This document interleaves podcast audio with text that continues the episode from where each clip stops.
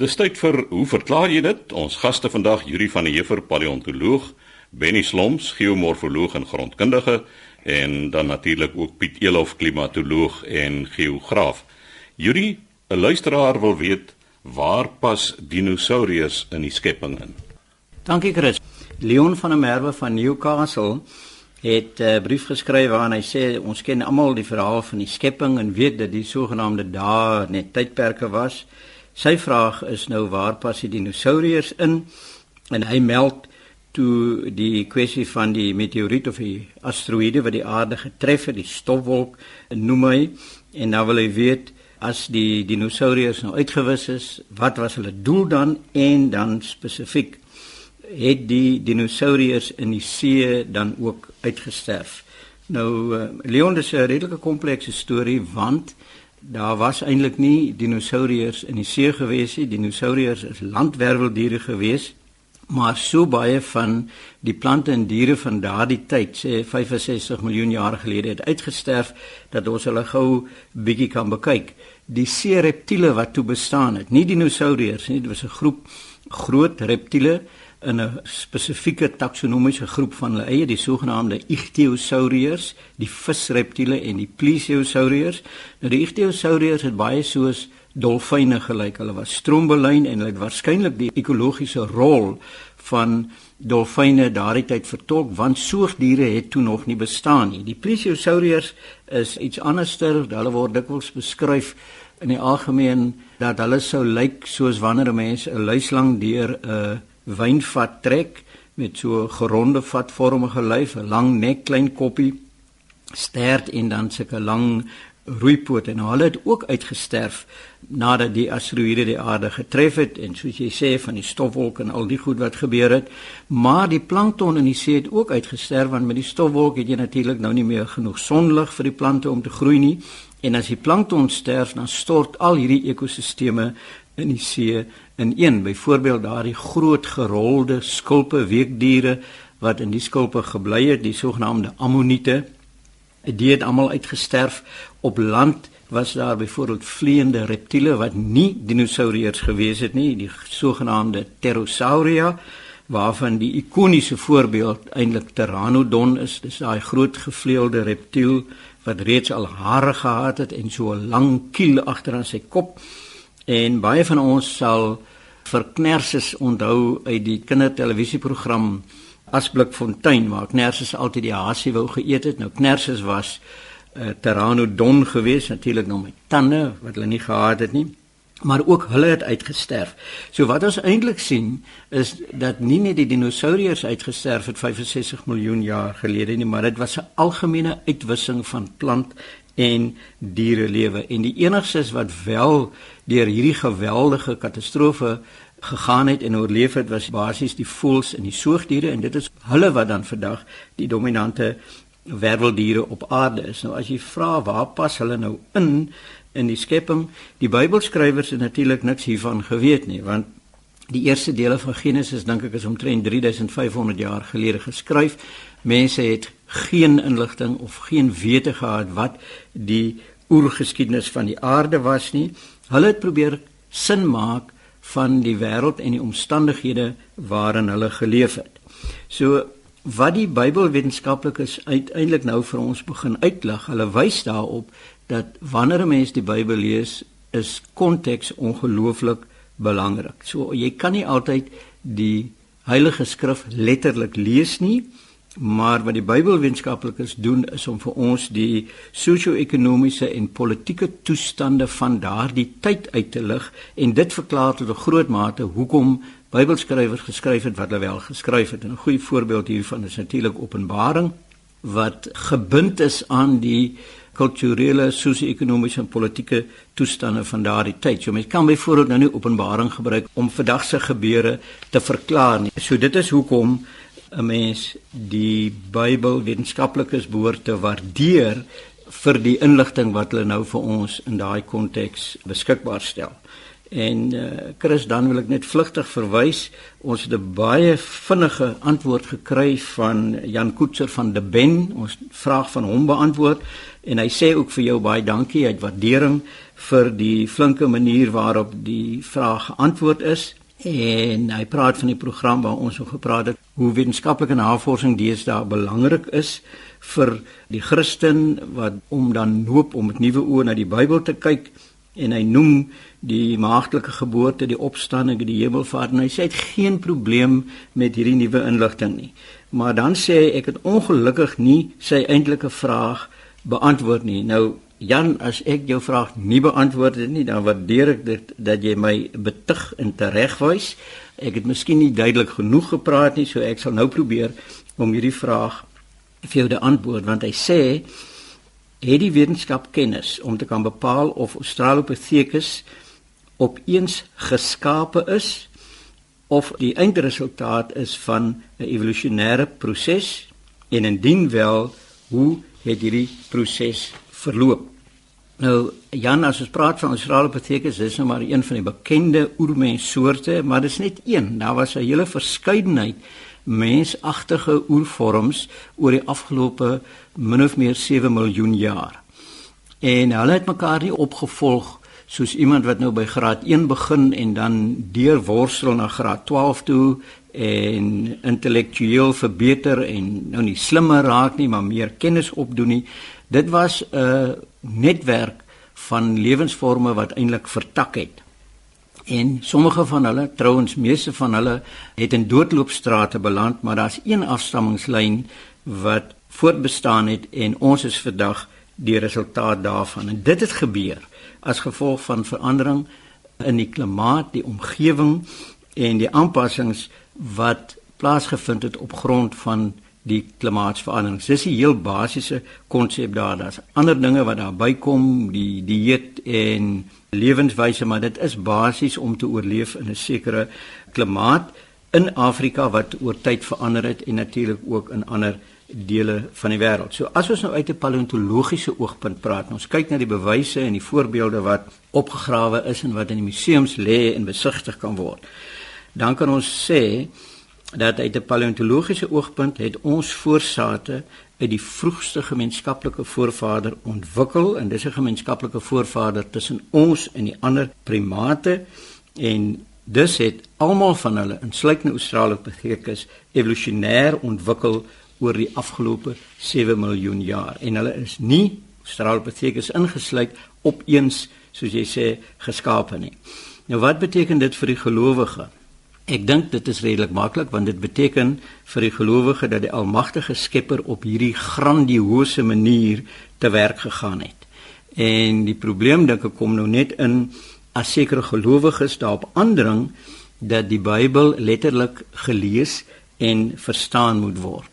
Nou die verskil hier is so groot dat ek dink dat as 'n mens evolusionêr daar kyk, dan het jy te doen met 'n almagtige opperwese terwyl as jy die Bybel letterlik lees dan kniehalter jy eintlik die Skepper. En so sê Yuri van der Heever, ons paleontoloog, Piet Elof, ons klimatoloog en geograaf. Piet, jy wil oor sandstene gesels. Chris, soos jy gesê het, ek moet miskien my by my lees hou en uh oor die weer en die klimaat praat.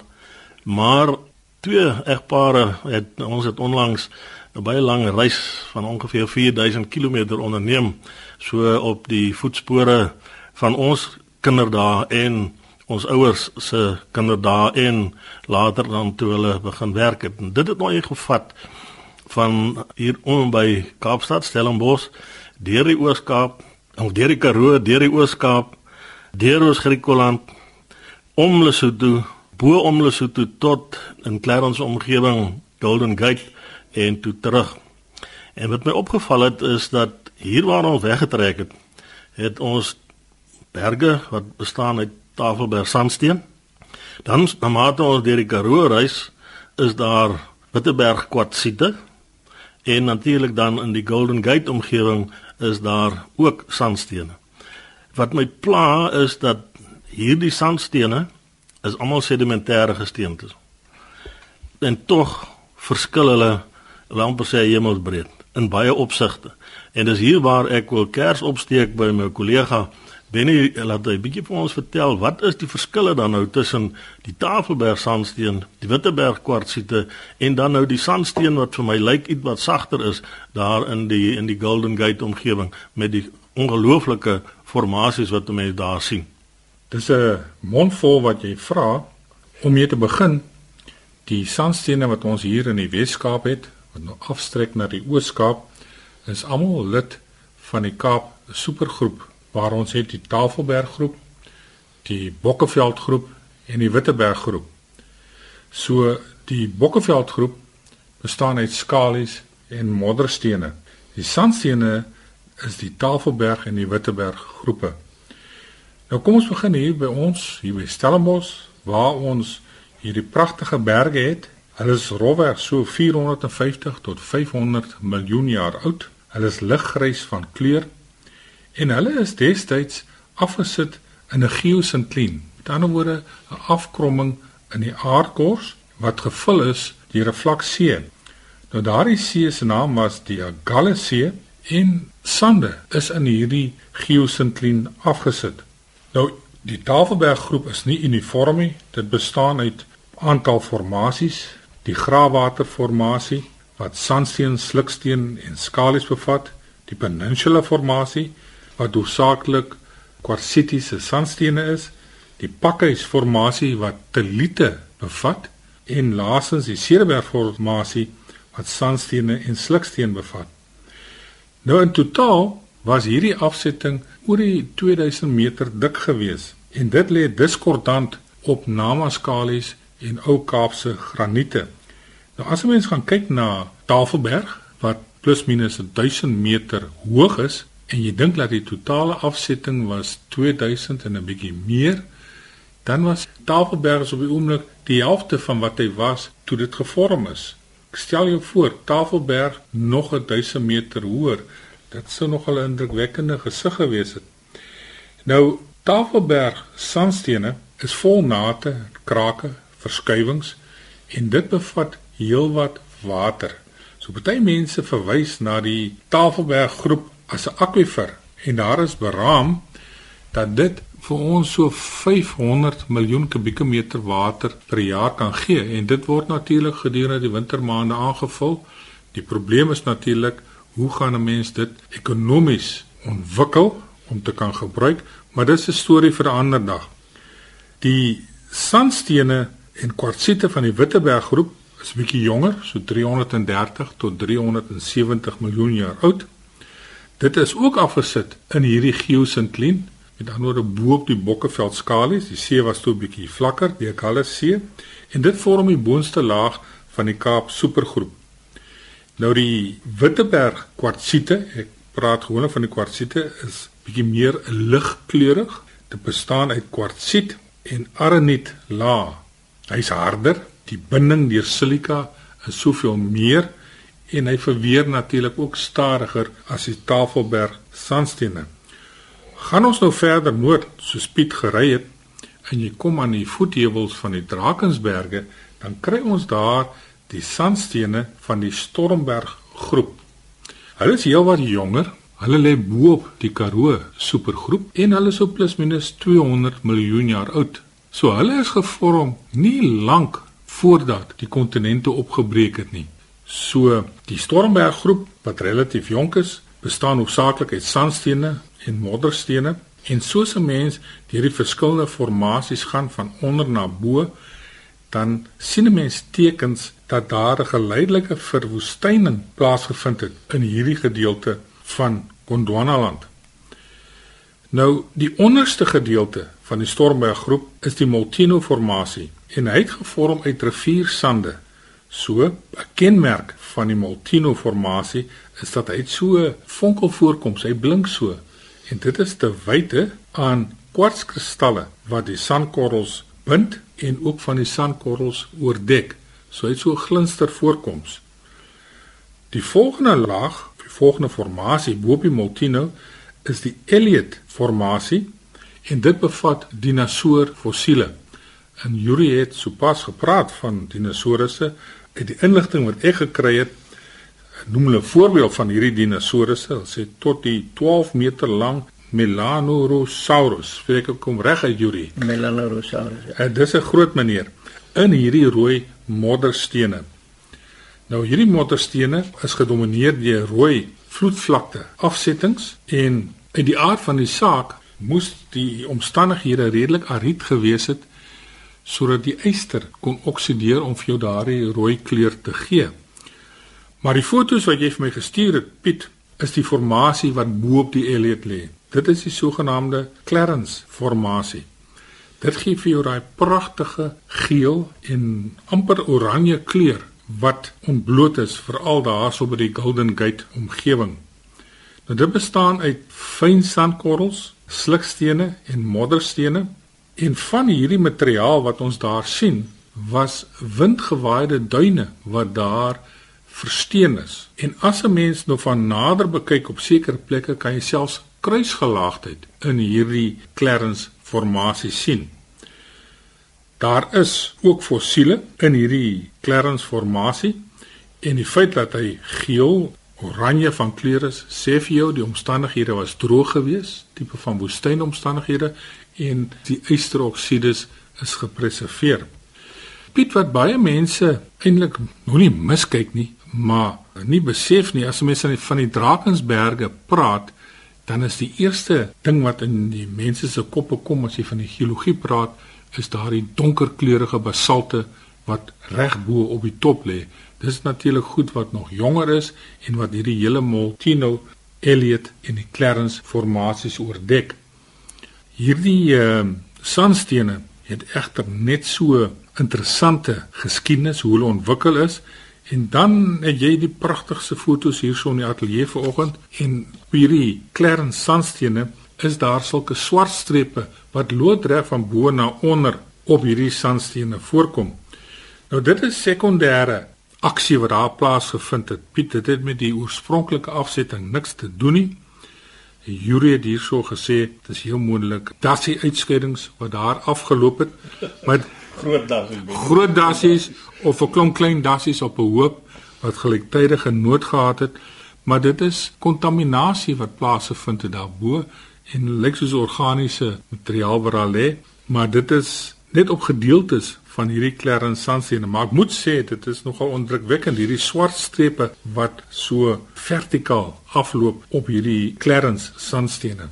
Benny net uh, iets wat ek verder wil opmerk, uh, jy weet soos mense so deur die Oos-Vrystaat ry, is daar natuurlik baie huise wat gebou is met hierdie klipstene, groot klipstene wat lyk vir my omtrent aan al die kante behalwe die voorkant gekap is. Die res lyk vir my word deesdae met 'n saag gesaag want so skerp en reguit is dit. Ek het juis by een van die padstalle daar naby in die Oos-Vrystaat sulke palette gesien soos wat ons by die steenoonde op die steenfabrieke bakstene wat nou na huise te vervoer word waar hulle huise bou so op 'n palet gepak is het ek daar sulke palette met hierdie klipstene gesien wat eintlik ongelooflike mooi huise weer gebou word. In hele Oos-Vrystaat kry mense hierdie kliphuise of huise van klip gebou. Dit is interessant dat jy dit sê want daar is nog huise op Sutherland wat van die Grootshandsteen gebou is. Pragtige ou geboue En uh, daar is mense wat hierdie huise aankoop en dit dan restoreer en dit skep 'n fantastiese atmosfeer in die dorp. Dit was dan die sandstene in die Golden Gate omgewing. Benny, jy het nou 'n storie oor mense wat met metaal verklik is op strande rondloop. Na aanleiding van 'n program wat uitgesaai is op Sondag 28 September, toe ek gepraat het oor sandbeweging langs die kus wat rotse en ekologie daar toespoel, het ek hier 'n brief gekry van John Mulder van Plettemer Bay. Hy skryf die volgende: Hy sê hy is 'n skattejagter en is reeds die afgelope 20 jaar voltyds oor verskeie vastelande besig met 'n verklikker op strande. Dit is natuurlik om metale, muntstukke, waardevolle items wat jy so kan kry. Dit klink vir my asof John dit sy werk gemaak het dat 'n mens wel as jy op die regte plekke gaan soek, jy lewe kan maak uit die goed wat jy daar onder die sand uitdop. Nou vir hom is dit natuurlik baie belangrik oor die beweging van hierdie sandvlakke. Metale sal natuurlik deur die massa werking, met die werking van die see en die sand, sal afsak afsak na die laer liggende dele en indien die see van die sand wegneem en jy kry van die onderste laag wat ontbloot is, dan is dit natuurlik 'n bonus vir die mense wat op soek is na hierdie skatte. Hy sê ook dat die ooskus van die FSA is natuurlik onderhewig aan orkane. Hulle praat van die orkaanseisoen wat daar heers en so na sulke orkane wat daar verby beweeg, is daar ongelooflike hoeveelhede sand wat natuurlik gedeponeer word op plekke en weggeneem word op ander plekke dan is hierdie strande waar die sand weggeneem is, is natuurlik prima veld waar hulle gaan soek vir hierdie metale. Hy voeg by dat die redes wat ek aangevoer het vir die sandbeweging hier in September, hy sê op klein skaal is daar natuurlik skeurstrome. Die Engels daarvoor is rip currents wat ook sand in stroke wegneem. Heeltemal reg, John.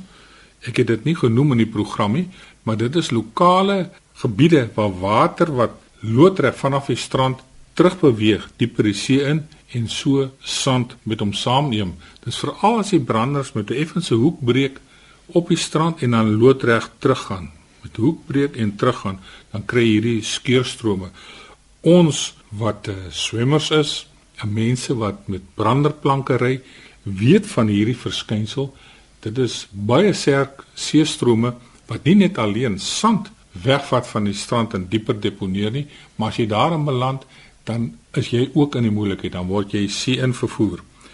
Nou, ek stem met jou saam dat skeurstrome sal vir jou ook kaalkolle gee waar die sand verwyder is, waar jy jou skatte kan gaan soek. Maar dan gee jy hierso 'n tweede rede. Dit is die wisseling, afwisseling van die El Niño en La Niño seisoen. Ons ken hierdie verskynsel Piet Elof het al by 'n verskeie geleenthede gepraat oor hierdie verskynsel wat in die Stille Oseaan voorkom, maar John beweer dat gedurende die El Niño jare dat die fronte verder weg van die kus beweeg en dit ook 'n invloed het op die seestrome. Nou John, sover ek weet en Piet moet my hier help, is die impak van El Niño en miskien La Niño ook is op ons somer reënval streke waar ons ook 'n afname kan kry in somerreën tydens 'n El Niño jaar dat dit 'n impak het op fronte wat vanaf die suidpool hier by ons teen die Weskus aanland dit betwyfel ek sterk want ons kry nie daardie variasie in reënval in jou normale fronte wat hier aankom nie. En uh, ek sal graag meer inligting rondom hierdie verskynsel wat jy vir ons gee oor die wegneem van sand, hierdie El Niño verskynsel wat die impak daarvan is of miskien net vir ons 'n bietjie literatuur deurstuur. Ek is nie so seker van hierdie ene nie, die langtermyn impak van El Niño op ons kussande nie. En dan praat hy ook oor die huidige siklus van langdurige sandvlakstygings. Ja, hierdie ene is ook die eerste keer dat ek hiervan hoor. Jy praat van die diepsee Mosambiek-stroom wat verder en nader aan die kus beweeg. Ons weet dat dit op 'n redelike beperkte skaal plaasvind, maar dat dit te doen het met 'n uh, eh, goed wat gebeur in die Stille Oseaan, daarvan is ek nie heeltemal so seker nie. En nie help my 'n bietjie reg hier. Ek was altyd onder die indruk dat die El Niño verskynsel aan die Weskus van Suid-Amerika primêr plaasvind gedurende die somermaande Trouwens dis hoekom dit die El Niño genoem word, die kind, die Christuskind en dat dit 'n opwelling is van koue seewater van naby die bodem af en dit bring natuurlik voedsel na boontoe vir die visskole en dit is juis waarop die hele visvangindustrie in daardie deel gebaseer was om daai tyd van die jaar dan vis te vang. So hoe werk dit dan saam met die Stille Oseaan? Want dit is nou in die suidekant van die Atlantiese Oseaan hierdie die alnieu verskynsel is juis ek wil amper sê primêr 'n verskynsel wat in die Stille Oseaan plaasvind. Normaalweg wat gebeur is die tropiese oostewinde wat dan nou die water sal sê dryf na die rigting van Suidoos-Asië en is amper soos wat mense in 'n bad sit en jy skuif vorentoe dan gaan daai brander soontoe en dan ontwikkel daar hierdie opwellingsstelsel langs die Weskus van Peru veral natuurlik om een of ander rede en daar is nog redelik baie navorsing wat daaroor gedoen word en nog gedoen moet word verander die drukpatrone en die temperatuur van die oppervlakwater en skuif hierdie warm water, warm oppervlakwater terug in die rigting van Peru. Met ander woorde, daai opwelling word eintlik 'n bietjie onderdruk. Daai termokline lê dan veel laer. Daar kom minder vis voor as gevolg van die hoër temperature en die groot verdamping is daar natuurlik dan reën en dit is maar wat daar dikwels in hierdie ariede gebiede in daai spesifieke omgewing sulke modderstortings kom wat dorpies as ware toegespoel word deur modder en daar redelik baie uh, lewensverlies kan voorkom. So dit is die omgekeerde eintlik wat dan partykeer 'n rol speel.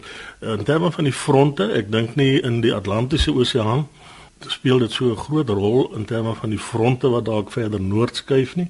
Met ander woorde dat hulle ons Weskus in 'n groter mate gaan beïnvloed in terme van reënval nie en dit mag dalk wel gebeur in die Stille Oseaan in die Weskus van die FSA, Kalifornië en die gebiede dat die fronte dalk 'n bietjie daar verder noord gaan, maar uh, verseker nie hier nie. Maar uh, ons moet net onthou, ek wil amper sê weer primêr die El Niño verskynsel, verskynsel van die Stille Oseaan, maar dit impakteer ook op dele van die Indiese Oseaan en die Atlantiese Oseaan en dan bring dit verskillende weerstoestande, reën of droogtes in die land. Dit beteken nie dat ons byvoorbeeld in die Indiese Oseaan, waar ons weet in Suid-Afrika die oostelike deel van ons land meer reënval kry uh, as gevolg van die verskywing van hierdie groot primêre drukstelsels. Dit reën nog altyd want dit reën nou net verder oos in die Indiese Oseaan. So die reën is nog altyd daar dit net geskuif van die land af na die oseaanse kant toe. Nou ja, die tyd het ons ongelukkig weer ingehaal. U kan gerus aan ons skryf by hoe verklaar jy dit? Posbus 2551 Kaapstad 8000 of 'n e-pos stuur aan chris@rsg.co.za.